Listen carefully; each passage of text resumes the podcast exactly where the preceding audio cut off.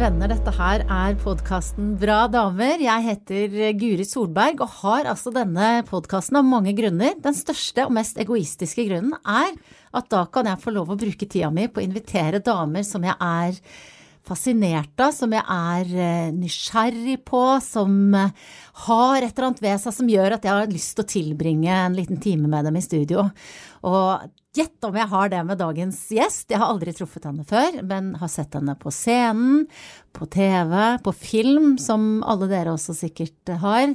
Skuespiller Petronella Barker, velkommen hit. Takk. Du, som jeg sa innledningsvis, du har spilt liksom på alle de store og mange av de små eh, scenene, på TV og film. Akkurat nå så er du rett borti gata her, jeg er Ja. nå i Bergen, hvor det som vanlig øsregner. Eh, du spiller på DNS, Onkel Vanja. Hvordan er dagene dine nå når du er sånn i forestillingsmodus? Um, ja, altså når man spiller forestilling på kvelden, så er, har man det i systemet når man våkner om morgenen. Det har man alltid. Men um, jeg I går gikk jeg Stoltsen, for eksempel. Wow! Ja. Og jeg har det sett regnet ikke i går. Nei, det var strålende sol. Ja, og jeg syns det har vært ganske mye bra vær i Bergen mens jeg har vært her, jeg. ja.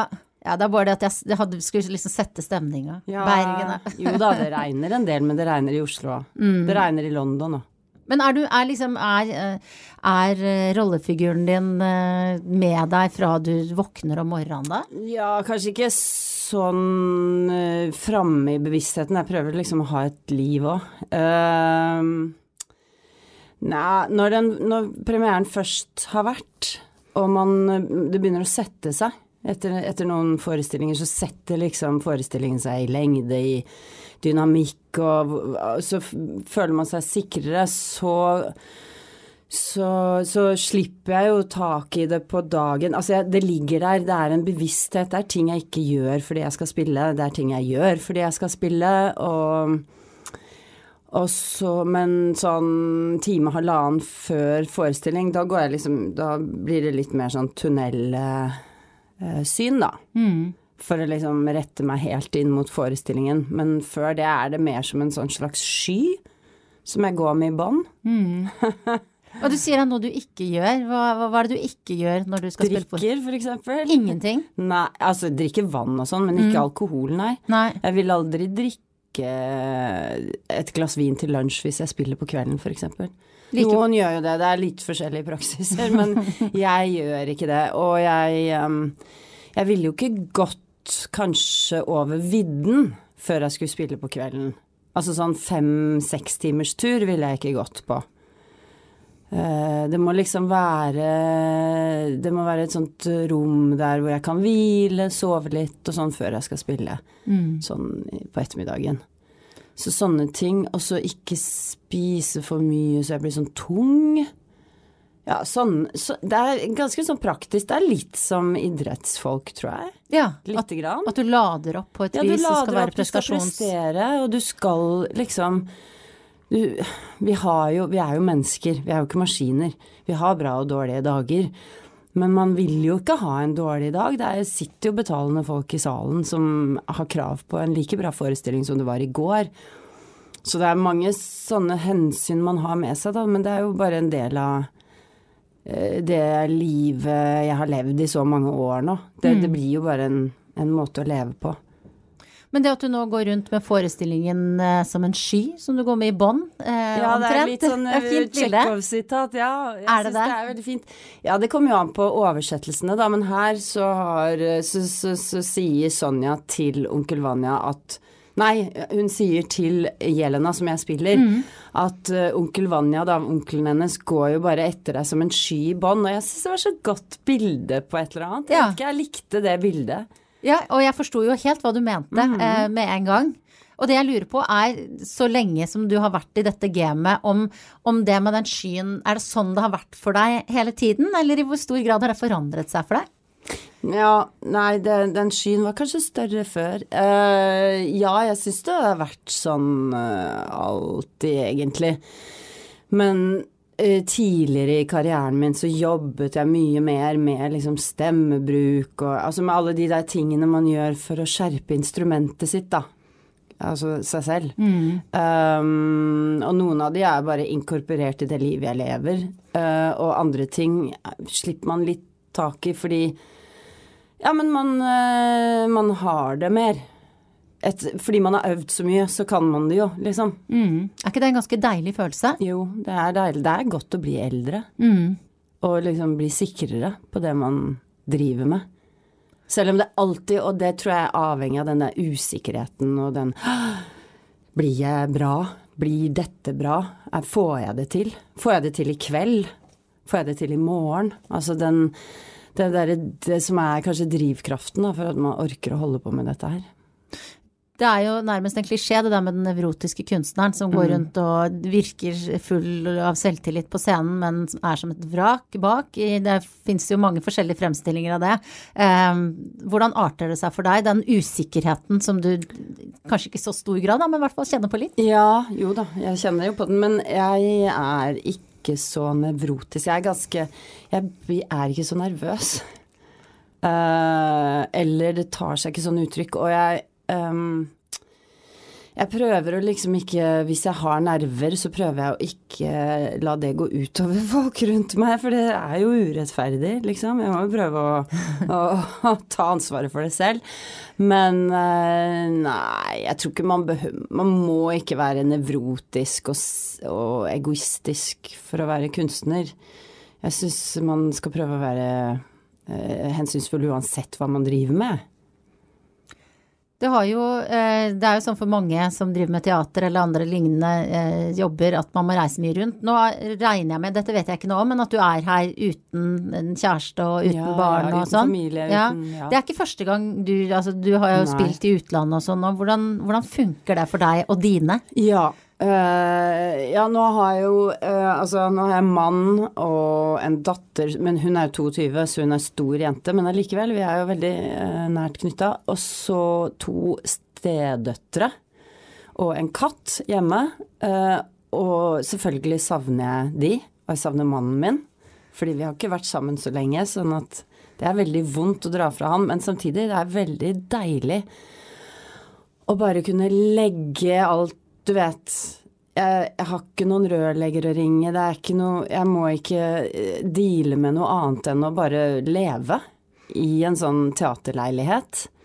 Så jeg kan stå opp når jeg vil, og jeg kan gå og trene litt, jeg kan spise akkurat hva jeg vil, jeg kan det er en sånn frihet da, som jeg syns er ganske deilig. Og så komme til et nytt sted for meg. Altså, jeg, så klart jeg har vært i Bergen før, men jeg har jo aldri bodd i Bergen. Og, og det, det er jo så berikende i mitt liv at jeg kan Jeg har jo bodd i Stockholm i, i til sammen fire år. Og jeg bodde i Gøteborg og jobbet der på teater. Jeg har jobbet på svenska Riksteateren, jeg har jobbet her på norske Riksteatret. Så det å, å flytte på seg jo, har jo på en måte vært noe jeg også, om ikke har oppsøkt, jeg har i hvert fall sagt jeg har ønsket det velkommen, da. Fordi jeg liker forandring, og jeg liker å ta et nytt sted i besittelse. Jeg liker å ikke vite hva som er rundt neste hjørne. Å liksom bli kjent med et nytt sted, det, det, det gir meg veldig sånn kick. Uh, og nå kan vi jo ikke reise til utlandet, dessverre. Jeg er jo veldig glad i å reise. Men, uh, men Norge, da, og, og særlig komme hit, uh, er et kick. Akkurat som om det hadde vært et annet sted i Europa. Men jeg, men jeg tenker liksom det der å komme eh, Jeg forstår det med kicket, men samtidig så tenker jeg kanskje spesielt i din jobb så er man jo avhengig av å ha et eller annet trygt å stå på, da. Man må ha en eller annen sånn ro. Og jeg tenker liksom så Å, så er du en ny leilighet eller med noen nye omgivelser. Er du ikke redd for at det skal tippe deg ut av sikkerheten din? Um, jo, men jeg tror man har forskjellige komfortsoner, da. Jeg tror vi er forskjellige der, og jeg finner ofte en trygghet i det jeg ikke vet noe om. Altså det, det utrygge. Har alltid egentlig funnet min trygghet i det som andre kanskje syns er utrygt, da.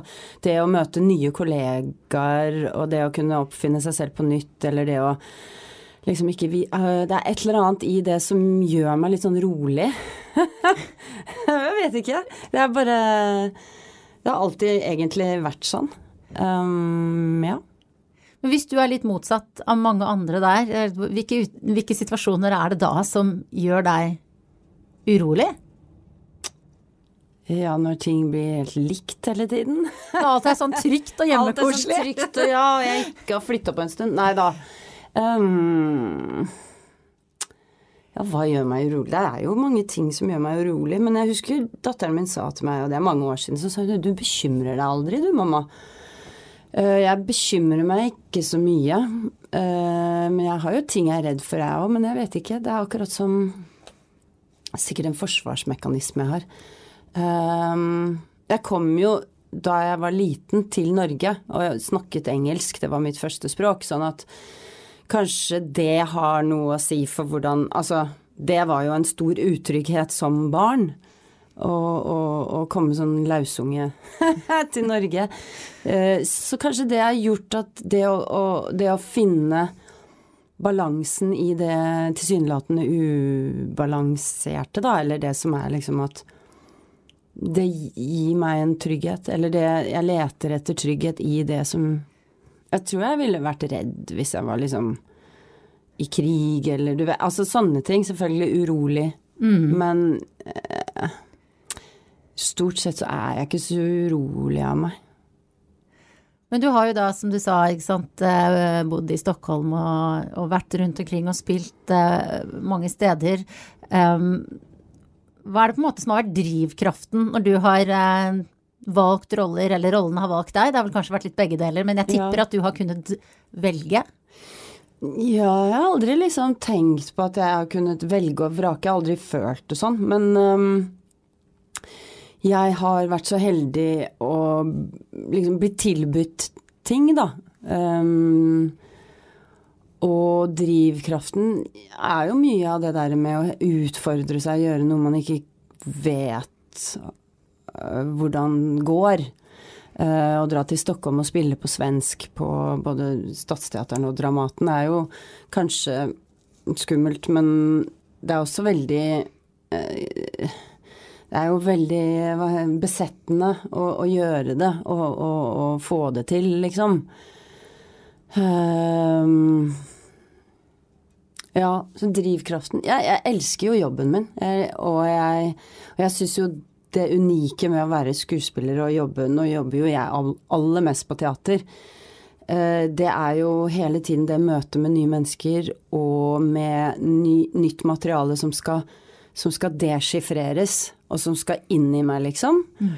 Og som eh, Ja, så det er vel det som er drivkraften. Det å stå på scenen foran publikum et nytt sted, Eh, mestre det, alt det der. Eh, Gi meg veldig mye. Oi, Oi nå røsker i veggene her. Det er deilig. Jeg elsker det. Ja, ja, ja, så elsker det. det været her. Ja.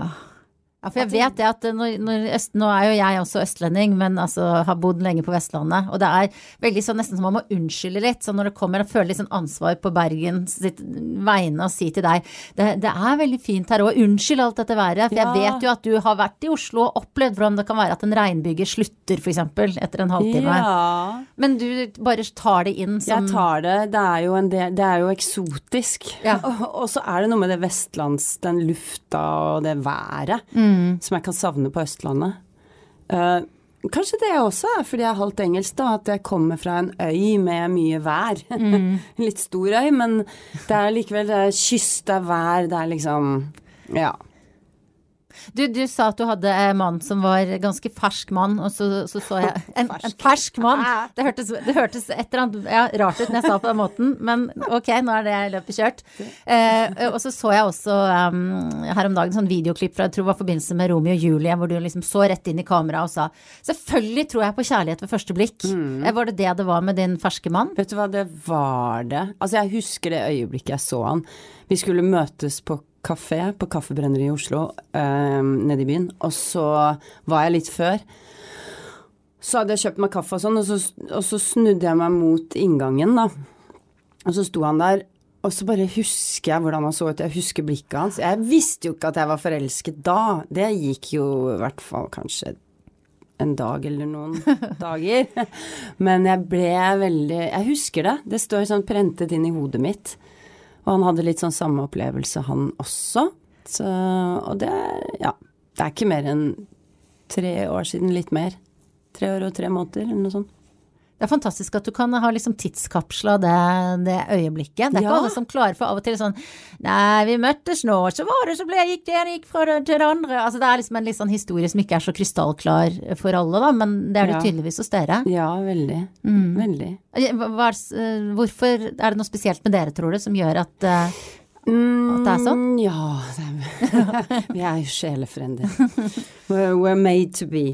Nei, altså ja, det er Det føles jo som om det er noe spesielt med oss, men vi kommuniserer veldig godt. Og kjente igjen noe i hverandre, da. Vi er, det er, vi er veldig kompatible, da. Ja. Hvis man kan sette en sånn hatt på det, som kan bety alt mulig rart, men For eksempel så hadde ikke jeg bodd sammen med noen eh, siden jeg ble skilt fra pappaen til Billy.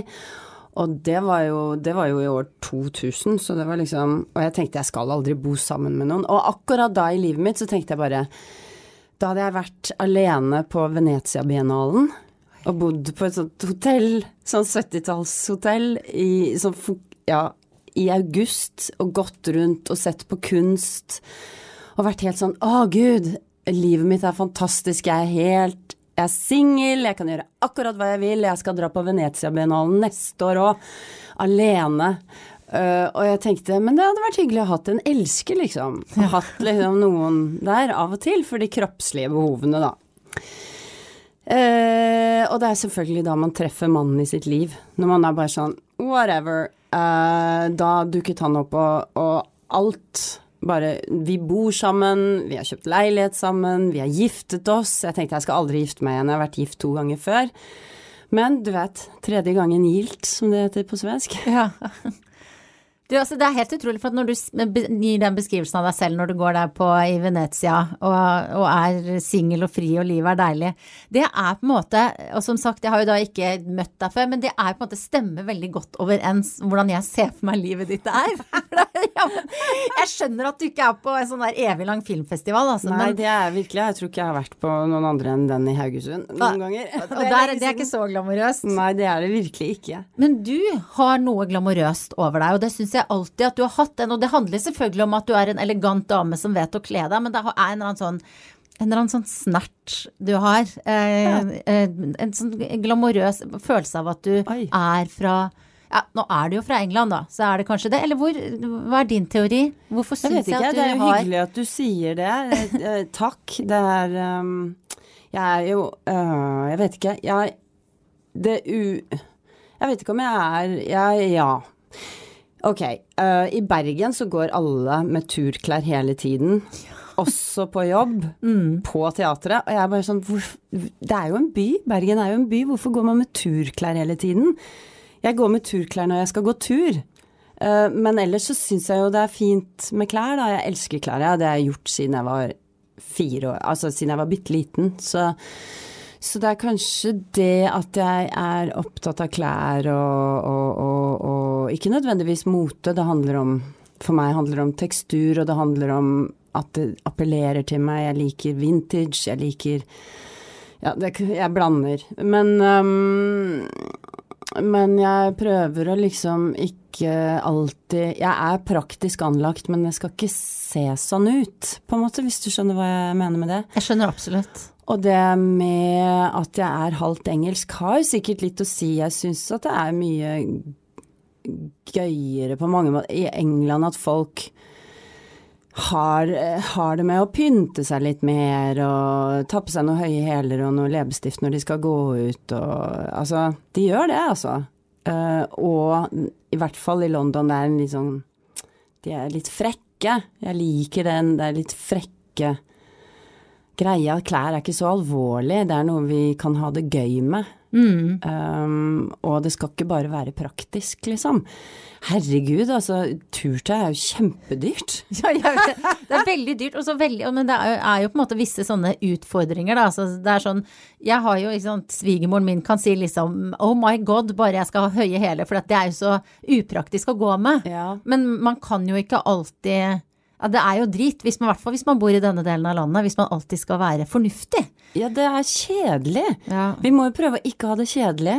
Ja, absolutt. Det livet er for kort, og det er uh, pandemier og all mulig drit. Vi må jo ha det litt gøy. Ja, det holder jeg med deg i. Ja, og vi må jo ha det litt gøy når vi ser oss i speilet tenker jeg da. Og det er klart det er vanskelig å gå på de eh, brosteinene her med høye hæler, men du kan ha høye hæler i veska, bytte akkurat når man går inn på bar. Eller man kan ha noen veldig fine sko som ikke det er så høy hæl på. Mm.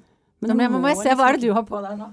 Ja, du har noen veldig fine eh, sko med litt farge ut, og selvfølgelig en sånn liten detalj. Og så har du Billy tatovert på eh, Ja. Altså, er hun oppkalt etter eh, Billie Holiday, eller? Hvor Jeg var veldig opptatt av Billy Holiday tidlig i 20-årene, og spilte det veldig mye.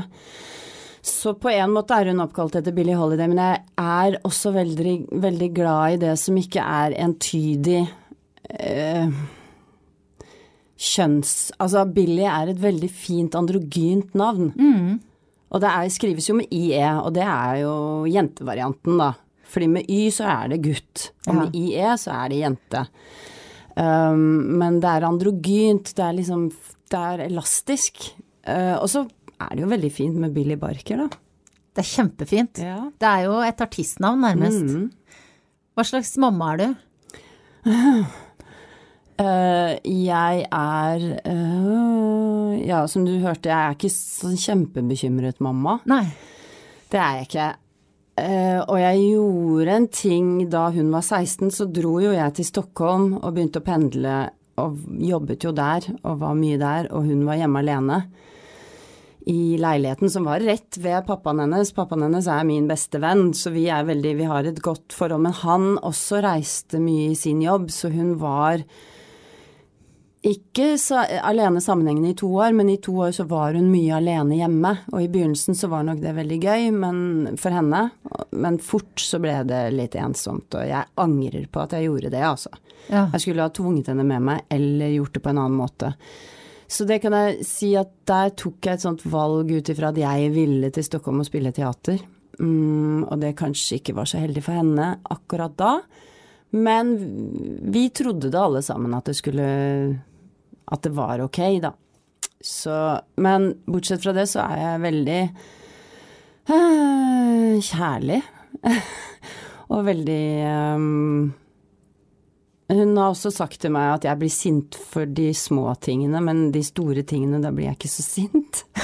De derre Ja, ja, jeg skjønner. er jeg mer Og hun og jeg har Jeg vet ikke, vi er flinke til å snakke sammen. Hun er veldig åpen, og veldig flink til å snakke om ting.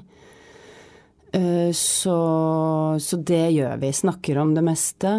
Og så er jeg ganske god til å si unnskyld, og det tror jeg er viktig å være. Mm. Så det har jeg gjort uh, opp igjennom. Sagt unnskyld.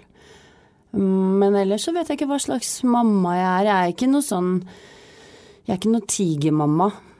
Men jeg har jo vært en Jeg er masete, og ikke noe mer, da. Men eh, jeg har vært masete, jeg har vært frustrert, jeg har vært Prøvd å være så god som jeg kan være, da.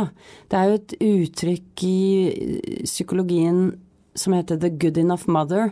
Det, det må vi huske litt på, for vi har så lett for å få dårlig, dårlig samvittighet. Men vi skal bare være good enough mothers, liksom. Vi, Ja. le, vi lever jo også våre liv. Vi skal jo ikke bare leve gjennom avkommet vårt, eller altså Det er så mange det er så mange fallgruber, det er så mange grunner til å ha dårlig samvittighet, og det er så mye vi gjør feil, men vi gjør også veldig mye riktig. Bare ved å ikke være dårlige mødre, liksom. Ja. Og jeg syns det er nydelig når du sier eh, at eh, du syns etterpå at det var en feil avgjørelse. Eh, og at det er liksom På en måte så er det greit. Det er sånn man gjør sånne feil. Ja. Og, og jeg husker eh, det er sikkert at jeg nå har lest om deg eh, på nettet, at overskriften eh, i et intervju med deg på den tida var 'Petronella Barkers vanskelige valg'. Ja. Og det er jo et veldig sånn populært tema. Jeg blir i hvert fall spurt om det ofte sånn Har du ikke dårlig samvittighet? Altså, jeg, jeg gis Ja. anledning til å ha mye dårlig samvittighet, fordi folk har eh, kanskje en idé om at jeg er veldig, veldig mye borte fra mine barn fordi jeg Ja. er i et studio eller et eller annet sånt. Eh, sånn at det, kommer jo på sølvfat, Ja, syns jeg. Og det Eh, er ja. jo kvinner som blir spurt om det. Det Absolutt. ikke menn. Absolutt ikke. Og det er noe i det som gjør meg veldig sånn Jeg blir så provosert av det, eller jeg blir veldig sånn anti. Så på den tiden så forsvarte jeg jo veldig det valget også fordi at nei, hvorfor, hvorfor kan ikke jeg, hvorfor skal bare faren hennes få lov å reise, hvorfor kan ikke jeg få reise? Og jeg, prøvde jo selvfølgelig å løse det eh, så godt jeg kunne, og moren min kom inn og var sammen med henne flere dager i uka. Så til syvende og sist så var hun ikke alene så mye, men det var for mye. Og det Ja. har jeg sett i ettertid. Ok, så alle gjør vi feil, liksom, og det Og det, det er en veldig sånn motstand i meg mot å liksom akseptere at vi ikke skal gjøre feil, eller at vi Ja, men skjønner du hva jeg mener? Jeg skjønner absolutt hva du mener, eh, og, og det er jo en stor felle vi går i eh, hvis vi skal strebe etter perfeksjon. Jeg tror det er en, en lettelse for oss alle hvis vi klarer å se at det, Ja, å kunne si unnskyld, for eksempel. Ja. Det, det kjenner jeg meg veldig igjen i. At det, at det går an. Og tenk også når ungene blir så store at det faktisk går an å snakke med dem, og de forstår et unnskyld. De kan Ja. kanskje til og med skjønne de følelsene som dukka opp for man eh, klikka, eller hva nå det var. sant? Absolutt. Så, så jeg syns det er stilig at du sier at at det angra du litt på, men at altså Mm. Og jeg Du har sagt det til du gjorde Billy også. Ja. Mm. At det, det var kanskje dumt, og det skulle jeg ikke ha gjort, og unnskyld. Jeg har sagt det til henne. Ja. Og hun er sånn nei, du skulle nok ikke det, men det er greit. ja. Og så er ikke Hun det har jo lært av det også. Ja. Ja, det er fint. Mm. Og så kan mediene slutte å spørre alle damer om hvor Ja, dårlig altså nå får det være nok, ellers så får de begynne å spørre menn. Ja, Altså, det, nå må vi slutte, ja. liksom. Det er 2020. Og mens vi er inne på det sporet Nei da, men altså det er jo en, en tilbakevendende tema med eh, roller til kvinner på vår alder, din alder. Um, hvilke tanker gjør du da om det? Vi har jo vært inne på, det har jo ikke akkurat mangla eh, på roller for deg, sånn ut, sett utenifra i hvert fall, men opplever du at bransjen ser annerledes på deg enn en kollega på samme alder? En Eh, mannlig kollega? Mannlig kollega. Ja, jeg vet ikke. Altså, øh, jeg er så heldig at jeg får gjøre mye på teater, og, og, og da jeg var i Sverige, så var jeg jo også sånn 45 Jeg fyller 55 i morgen. Ja, jeg vet det. Jeg så det. Men i hvert fall, ja, så jeg har fått masse fine roller. Og der borte også. Masse fine roller og oppmerksomhet og alt det der. Eh, det er lenge siden jeg har fått en filmrolle. Ja. Det er det. Og der Jeg vet ikke hva som har skjedd. Jeg har kommet ut av loopen, om det er fordi jeg var lenge i Sverige. Altså to år, så to år hjemme, og så to år der igjen. Og at det ble liksom seks år borte fra alt. At jeg har kommet ut av loopen. Eller om jeg er liksom umoderne. Eller jeg vet ikke hva det er. Det kan jo også ha med alder å gjøre, og kvinne og alt sånt noe. Um, så der har jeg liksom stussa litt. Hvorfor gjør jeg ikke noen filmer for tiden? Men, men når det gjelder å jobbe, så har jeg jo jobba hele tiden, eh, og føler meg veldig privilegert ved det. Og nå spiller jeg jo Altså Jelena i Onkel Vanja er jo fra Tsjekhovs side 28, liksom. Men det behøver man jo ikke å bry seg så mye om på teater. Og Stefan har jo liksom Ja. eh, ikke tatt noe hensyn til det. Jeg tenker at uh, man kan uh, Av og til så kan film også lære av teater å rollebesette fargeblindt, kjønnsblindt, aldersblindt.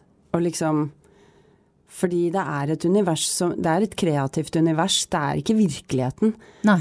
Og noen ganger så kan det liksom sette virkeligheten på spissen. At man, at man gjør uventede valg, da.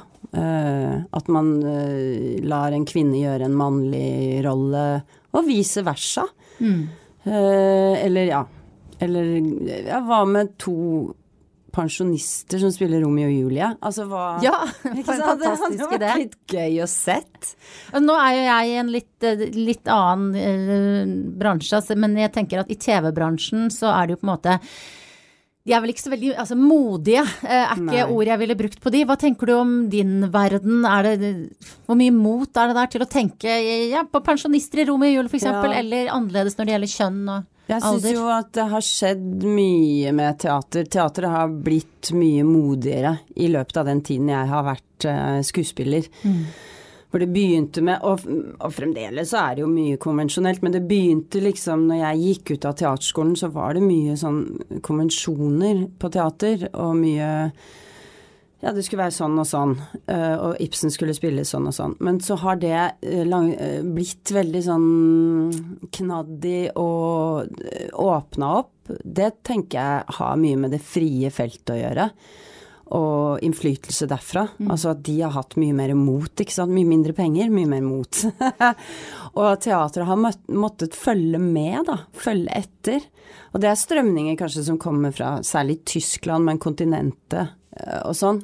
Og via Sverige og sånn så har det kommet hit, og så har vi fått et teaterspråk som er mye mer modig og friskt, syns jeg. Uh, selv om det er um, av og til veldig kjedelig også. Men, men, på film så tenker jeg at man nok fortsatt kan ta noen flere sjanser. film er jo annerledes enn teater, det er jo det. Um, men det er, det er, en kunstart, det også. Man kan liksom tøye den. Det fins jo de som gjør det, selvfølgelig. Men der er du kanskje så avhengig av at, at publikum kommer, da. Altså du er så avhengig av et stort publikum. Ja.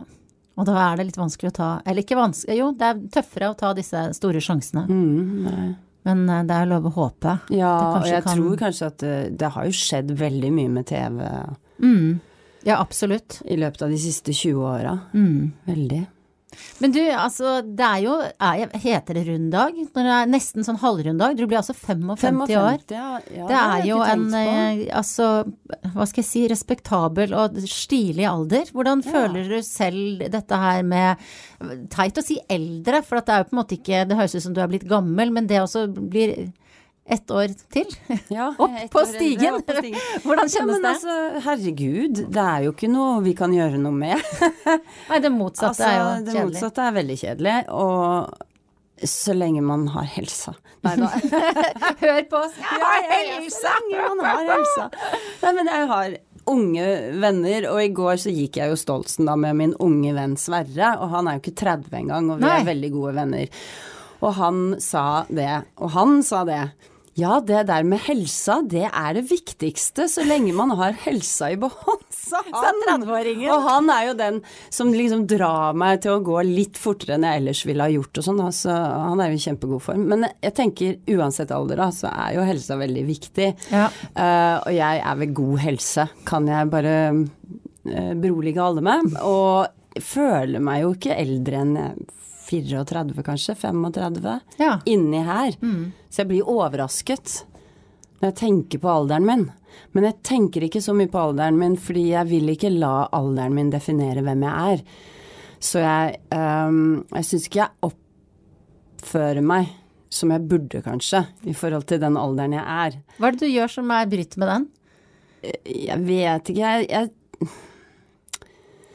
jeg tenker at jeg lar ikke min smak i klær øh, øh, liksom definere så mye av det. Eh, jeg går med det jeg har lyst til å gå med uansett. Jeg har kanskje slutta nå de siste årene å gå inn på hva heter den Hennes Maurits-delen som er for tenåringer. Oh, ja, ja. Men det er ikke så lenge siden. og, og, noen ting tenker jeg kanskje er kanskje ikke så kort kjole på meg. Men men det har jeg på en måte alltid tenkt. Eh, så, og så tenker jeg også hvem jeg omgås og hva jeg gjør. Eh, la, jeg tenker ikke at jeg er for gammel til Altså, jeg er for gammel til å danse ballett. Men det var jeg ikke så god på til å begynne med heller. Sånn at er, de fleste ting er jeg ikke for gammel for. Og så er det noen ting som jeg kanskje var veldig opptatt av før, som jeg syns er kjedelig nå. Og det handler jo om antall år man har levd, selvfølgelig, men Og antall år er jo den alderen vi har, men alder er jo også noe annet. Det er også en merkelapp. Og det er, på engelsk er det jo noe som heter ageism, og det er jo noe som Det er jo noe reelt. Men jeg tenker så lenge jeg driter i hvor gammel jeg er, så gjør jo de som møter meg det òg. Det er jo det vi møter verden med som Altså, hvis jeg går ut og tenker at jeg er ok, så vil jo folk jeg møter synes at jeg er ok. Men hvis jeg går ut og tenker at jeg er stygg og jeg er ikke ok, så er jo det det jeg sender ut. Og det er jo det folk da oppfatter meg som. Så mm. det er jo enkelt, og sånn er det jo. Så så lenge ikke jeg lar meg tynge av min eh, langt fremskredne alder, så tenker jeg at det er greit. Eh, bare holde på til jeg liksom får vondt eh, her og der. Jeg tenkte også at jeg, jeg kan jo gå med høye hæler, så lenge Jeg kan gå med stokk når Ja. det begynner å bli vanskelig. Stokk og høye Det er stilig syn, da. Ja, hvorfor ikke? Ja, men også men, altså, skuespillere Når er det dere det, det som jobber på Nationaltheatret, hvor, hvor lenge jobber man da? Det er ikke noe 70 må det vi er, gå av. Å ja, da er det ikke lov mer? Nei, det er, eh, det er pensjonsalder er 70, men du kan jo få stykkekontrakter og sånn etter det. Ja. Espen Skjønberg har jo, han jobba jo inntil for to år siden. Og han er jo 100, eller altså Nesten. Ja. Nei, men han er skikkelig gammel, og, og når jeg jobbet på Stadsteateren i Stockholm, Benny Fredriksson var teatersjef, um, han elsket jo de der gamle skuespillerne, så han hadde en helt Altså det, det er jo en veldig stor teater, veldig mange folk som jobber der, veldig stort ensemble. Men han hadde jo en hel liten stall, han, med sånne så- over 80. Mm, Og de var fantastisk. fantastiske. Ja, det var blant annet et sånt ekteskapsdrama mellom så, Hvor det var to skuespillere, Meta Velander og Så husker ikke jeg hva han het. De var gift i virkeligheten, og de var sånn 80 pluss. Oi. Og han er nå død, men Å, det sier ja, Nå husker jeg det ikke, nå får jeg jernteppe, men i hvert fall, de spilte for fulle hus, og de spilte liksom jeg vet ikke hvor mange forestillinger, 100 forestillinger eller, eller noe sånt, og, og hvorfor ikke? Det Mm. fins ingen alder hvor du ikke kan være skuespiller lenger, fordi vi skal jo vi skal jo være bærere av alle aldre, alle mennesker, liksom. Mm. Så det å si at man er for gammel Man er jo ikke for gammel før man ikke husker hva man skal si og gjøre lenger. Da kanskje det er på tide å slutte. Men selv da så er et gammelt menneske, en gammel kropp på scenen, Ja, vi ser det. Det er sterkt. Det sier noe om livet. Så kanskje den personen har med seg en assistent, da. Eller ikke behøver å si noe. Men for meg er det et veldig sånn teat teatralt virkemiddel som er sterkt. Så jeg ja. Jeg vil slå et slag for de veldig gamle skuespillerne. Bra! Mm. Du, jeg kom på en ting. Eh, Jeg tror at du begynte med yoga en million år før andre. Er dette noe jeg har dikta opp, eller har jeg lest det i et sånt det nye intervju med deg om at du likte yoga og holdt på med det? Jeg liker godt yoga. Jeg holder på med det. Jeg har gjorde yoga i morges. Ja, der ser du.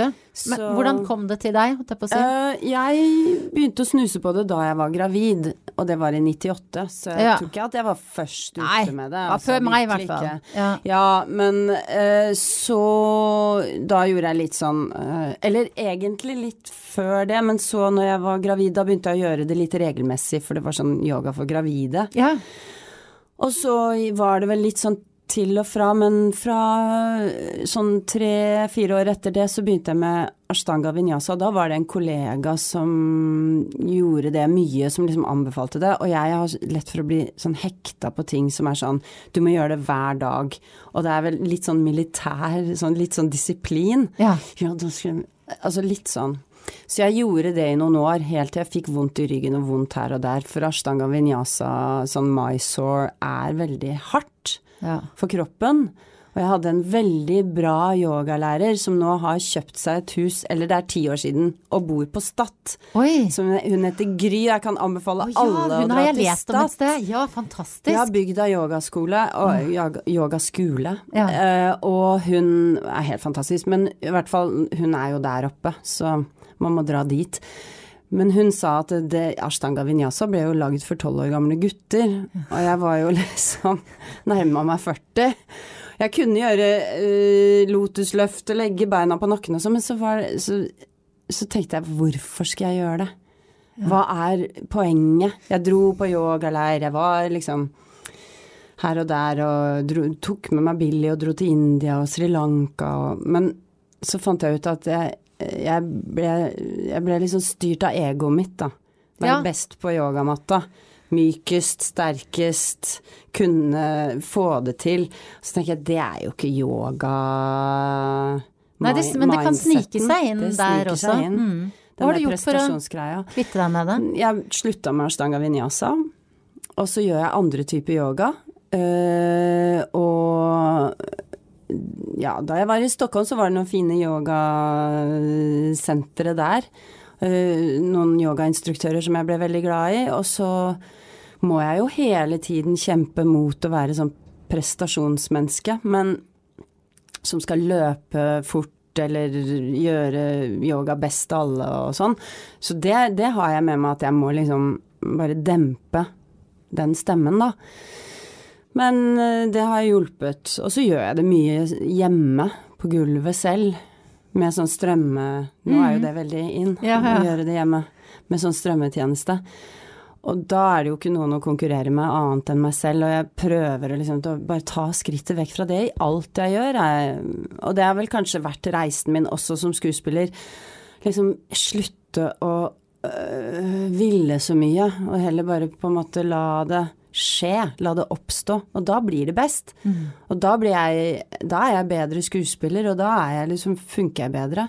Det er å være i kommunikasjon, og være i kommunikasjon med meg selv, med kroppen min og hodet mitt, men også når jeg kommuniserer med folk rundt meg. Så, og er, prøver å være ærlig. Det er vanskelig, men prøver å være ærlig. Det er vanskelig fordi man også ikke alltid er ærlig med seg selv. Men når man prøver det, så er man jo mer i flyt, da. Og da går det bedre, liksom. Men man er kanskje ikke den beste.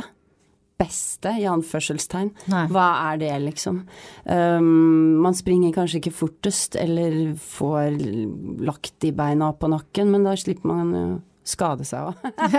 Nei, men også skjønner du hva jeg mener? At man ikke liksom er så en sånn eh, sånn knute av vilje, men at man knyter den opp og er litt mer eh, elastisk.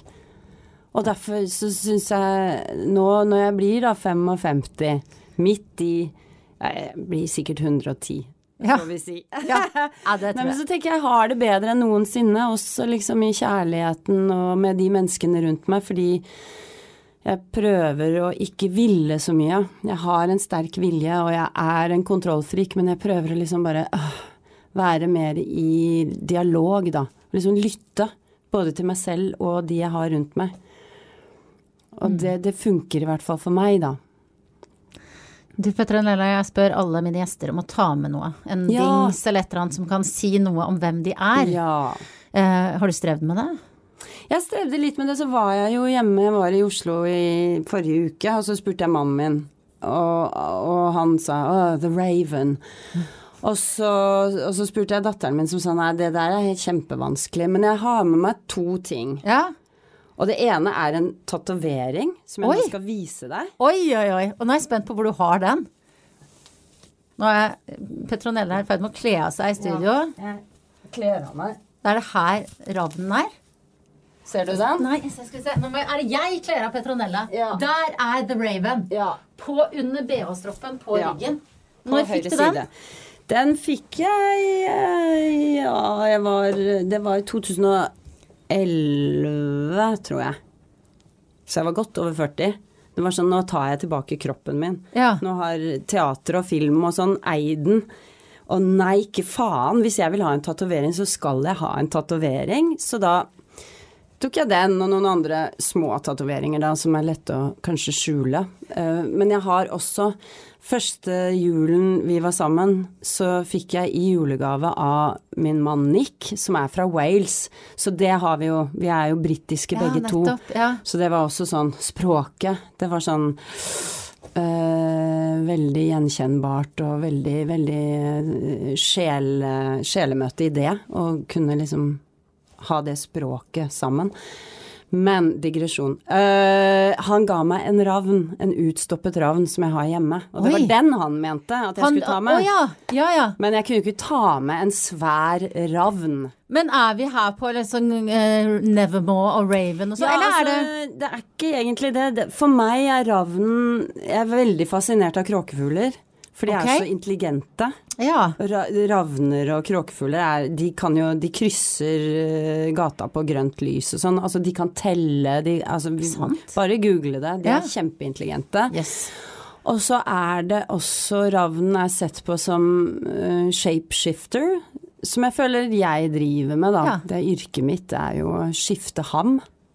Ikke shape nødvendigvis, men uh, uh, Og det er også min sånn forbindelse til uh, Storbritannia, for jeg forbinder ravnen veldig mye med Storbritannia. Når man lander i, med fly, så er det liksom jeg vet ikke om det er ravner, men det er ravnefugler i hvert fall. De, de svarte fuglene som er, dekker disse her åkrene. Ja. Jeg, det forbinder det så mye med, sånn, med det britiske, da. Så det har liksom med, med min engelske eh, Den delen av meg som er engelsk å gjøre. Og som jeg ikke Jeg har jo ikke bodd der så mye siden jeg var fem, men jeg har jo bodd der innimellom og Ja. Og så så det er den, det er ravnen, Ja. som, jeg, som er litt sånn, litt sånn symbol for meg. Og så, så sa jeg til, dat, um, til Billy at jeg har jo med Det er en bok jeg har med overalt, og jeg drar når jeg er Og det er T.S. Eliot, 'The oh. Wasteland'. Og det er min favorittpoet. Og uansett om jeg leser i den eller ikke, men jeg har den alltid med meg når jeg reiser, da. Jeg kan ikke dra noe sted uten å ha med meg den. Jeg elsker det diktet. Og flere andre dikt av han, som er modernist, eh, ja du vet kanskje Thomas Stern Elliot, han skrev teaterstykker også. Og, den, og da sa Billy ja, men ta med den. Det er jo en given da, hvis du har med den overalt. Men jeg tenkte ja, det også sier noe om meg da, at jeg er liksom veldig øh, knyttet til språk Altså språk, ord, dikt øh, Hvordan skal jeg forklare? Jeg er veldig dårlig når jeg skal liksom snakke om hva språk betyr for meg, så har jeg ikke noe språk. Men uh, jeg er veldig glad i å lese T.S. Eliot og de diktene, og særlig The Wasteland, som jeg kom i kontakt med da jeg gikk på teaterskolen, og vi gjorde en forestilling av det ute på en øy ute i Oslofjorden på 80-tallet. Uh, og etter det så har jeg alltid kommet tilbake til det diktet som jeg syns liksom uh, har alt i seg. Den har eh, det, det, det, er et stort, eh, monumentalt verk, og du må nesten ha oppslagsverk for å forstå alle referansene. Og samtidig så er det, eh, så er det veldig enkle bilder også. Og det er Du kan bare plukke ut noen biter som sier så mye om livet der hvor man er, da. Så anbefaler alle å lese det.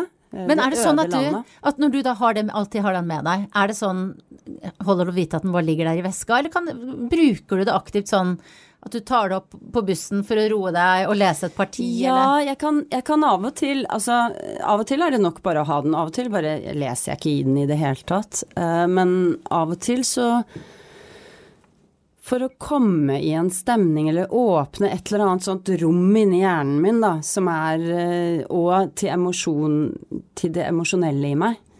Så kan jeg lese bare et parti av Alfred J. Prufrocks Love Story, liksom.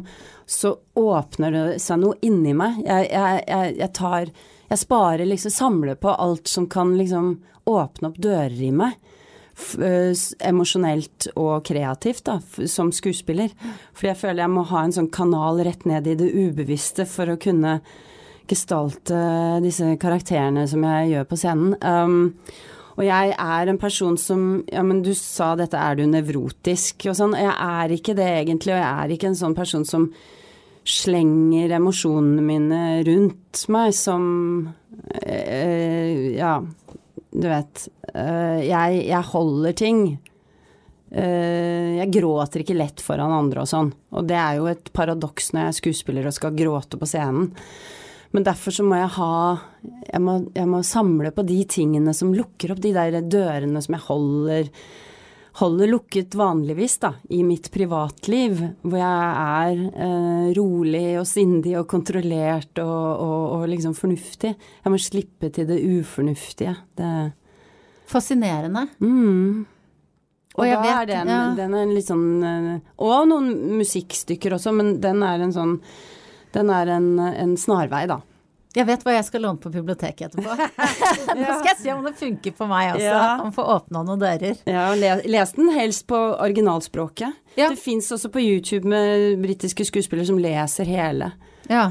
Og så får jeg ringe til deg hvis jeg trenger hjelp med Ja. referansene. Ja, og noen ganger så er det sånn eh, leseliste og referanselister i de, og jeg har en bok som er bare referansene, men jeg, Jeg har egentlig ikke lest så mye om de referansene siden vi satte den opp, da. Og det var jo på 80-tallet, så det begynner å bli en stund siden. Men jeg, jeg, for meg holder det at det liksom berører meg på et uh, ja, men et ganske sånn uh, ba, uh, basalt plan, da, som jeg ikke alltid kan forklare. Mm. Men Og jeg trenger ikke å forklare det. Jeg, jeg må liksom ha sånne knyttnever eller noen som bare røsker opp de der dørene som jeg snakker om. Jeg behøver ikke å forstå det. Men mm. det er mm. sånn jeg ser på kunst, og jeg er veldig glad i å, å gå og se på kunst. Uh, ja. Og jeg elsker at vi nå går fra um, kunst som åpner indre dører, til de helt sånn trivielle hverdagstingene som jeg alltid pleier å avslutte denne podkasten med. Tre sånne kjappe spørsmål. Ja. Hva, Petronella, spiste du til frokost i dag? Jeg spiste uh, kald havregrøt med yoghurt og sånn nøttehakk på. Fordi jeg lagde havregrøt i går, og det ble litt til overs. Og jeg pimper opp den havregrøten noe så innmari med kokosmelk og mandelsmør og oh, litt sånn frosne blåbær som jeg tar oppi, og det er kjempegodt. Ja, for ellers så kunne jo kald havregrøt høres litt trist ut. Ja, men... nei, men det er jo en sånn pimpa versjon. Og så ja. liker jeg, jeg liker ikke å kaste mat. Jeg syns det er veldig, veldig Ja, det er lite holdbart, og er, vi skal ikke holde på med sånt. Så jeg, så jeg spiser den der grøtresten, men er, det er kjempegodt. Og med litt yoghurt så blir det liksom en ny rett, da. Mm. Så har vi snakka mye om klær og stil. Eh, mitt andre spørsmål er hvor lang tid brukte du på å finne ut hva du skulle ha på deg i dag? Ikke så veldig lang tid, fordi jeg har jo ikke med meg alt tøyet mitt til Bergen. Men jeg har, jeg har et sånt poeng av når jeg eh, drar, så tenker jeg liksom ok, jeg, nå skal jeg være her én uke, og så skal jeg hjem en uke, så da behøver jeg bare pakke for én uke. Så jeg sånn, ok, hvilken stil skal jeg ha denne uka, og hvilke farger skal jeg legge meg på? Så da øh, Og så hadde jeg lyst til å ikke bare ha med praktiske ting. Det er så fort gjort at man gjør det. Så nå i dag så bare tok jeg noe av det som jeg syntes var litt fint som jeg hadde med meg, som jeg bare Så jeg bestemte meg ganske fort for hva jeg skulle ha på meg. Og hvis det er noen som mot formodning ikke skjønner hva jeg mener når jeg, eh, snakket om Petronella som veldig glamorøs i stad, så kan jeg jo si at når hun kom feiende inn døra her etter å ha gått opp syv etasjer, må jeg bare si, så har hun liksom et knallrød alpelue og farge på leppene og en knallstilig blazer, en farget høyhalsa og ja, så det er Du er veldig glamorøs. Takk. Det var veldig stilig. Takk. Tusen takk. Dette er bare for å uh, smiske med deg før jeg stiller det siste spørsmålet. Som er oi, oi, oi. Når hadde du sex sist? Uh, jeg var jo hjemme i helgen, da. Så jeg hadde jo sex i helgen med min mann. Uh, søndag, tenker jeg det var med din mann Nick som uh, du fortsatt uh... Vi er kjempeforelska. Vi, vi, føler at vi er i en sånn forelskelsespsykose. Nå har det vart i over tre år, skal det aldri gå over, liksom. Oi. Vi tar inn på hotell i Oslo og sånn, vi. Å gud, så herlig. Ja, og drikker champagne og ikke hele tiden, selvfølgelig. Han jobber masse, og jeg jobber masse, og vi har barn som vi må Men vi er veldig forelska. Det er litt deilig. Ah, det høres eh, Nei, nå høres jeg så veldig ut som jeg ikke hadde det sånn, men altså, det høres herlig ut. Og ja. Jo, jo, men, men ikke sant. Jeg er gift, jeg er veldig fornøyd med det, altså bare så det er sagt, David, hvis du hører på. Men eh, jeg følte veldig behov for å sende en hilsen til mannen din. ja, men det var bra. Ja, det, men uh, takk for at du delte både kjærlighetshistorien din og alt det andre, Petronella. Mm. Um, og skal du ha forestilling i kveld? Ja. ja. Så du må snart om noen timer begynne å gå inn i modus? Ja, det må jeg. Ja. Begynne med å legge meg litt nedpå. Gjør det, og mm. break a leg. Og takk, takk. for at du kom. Takk.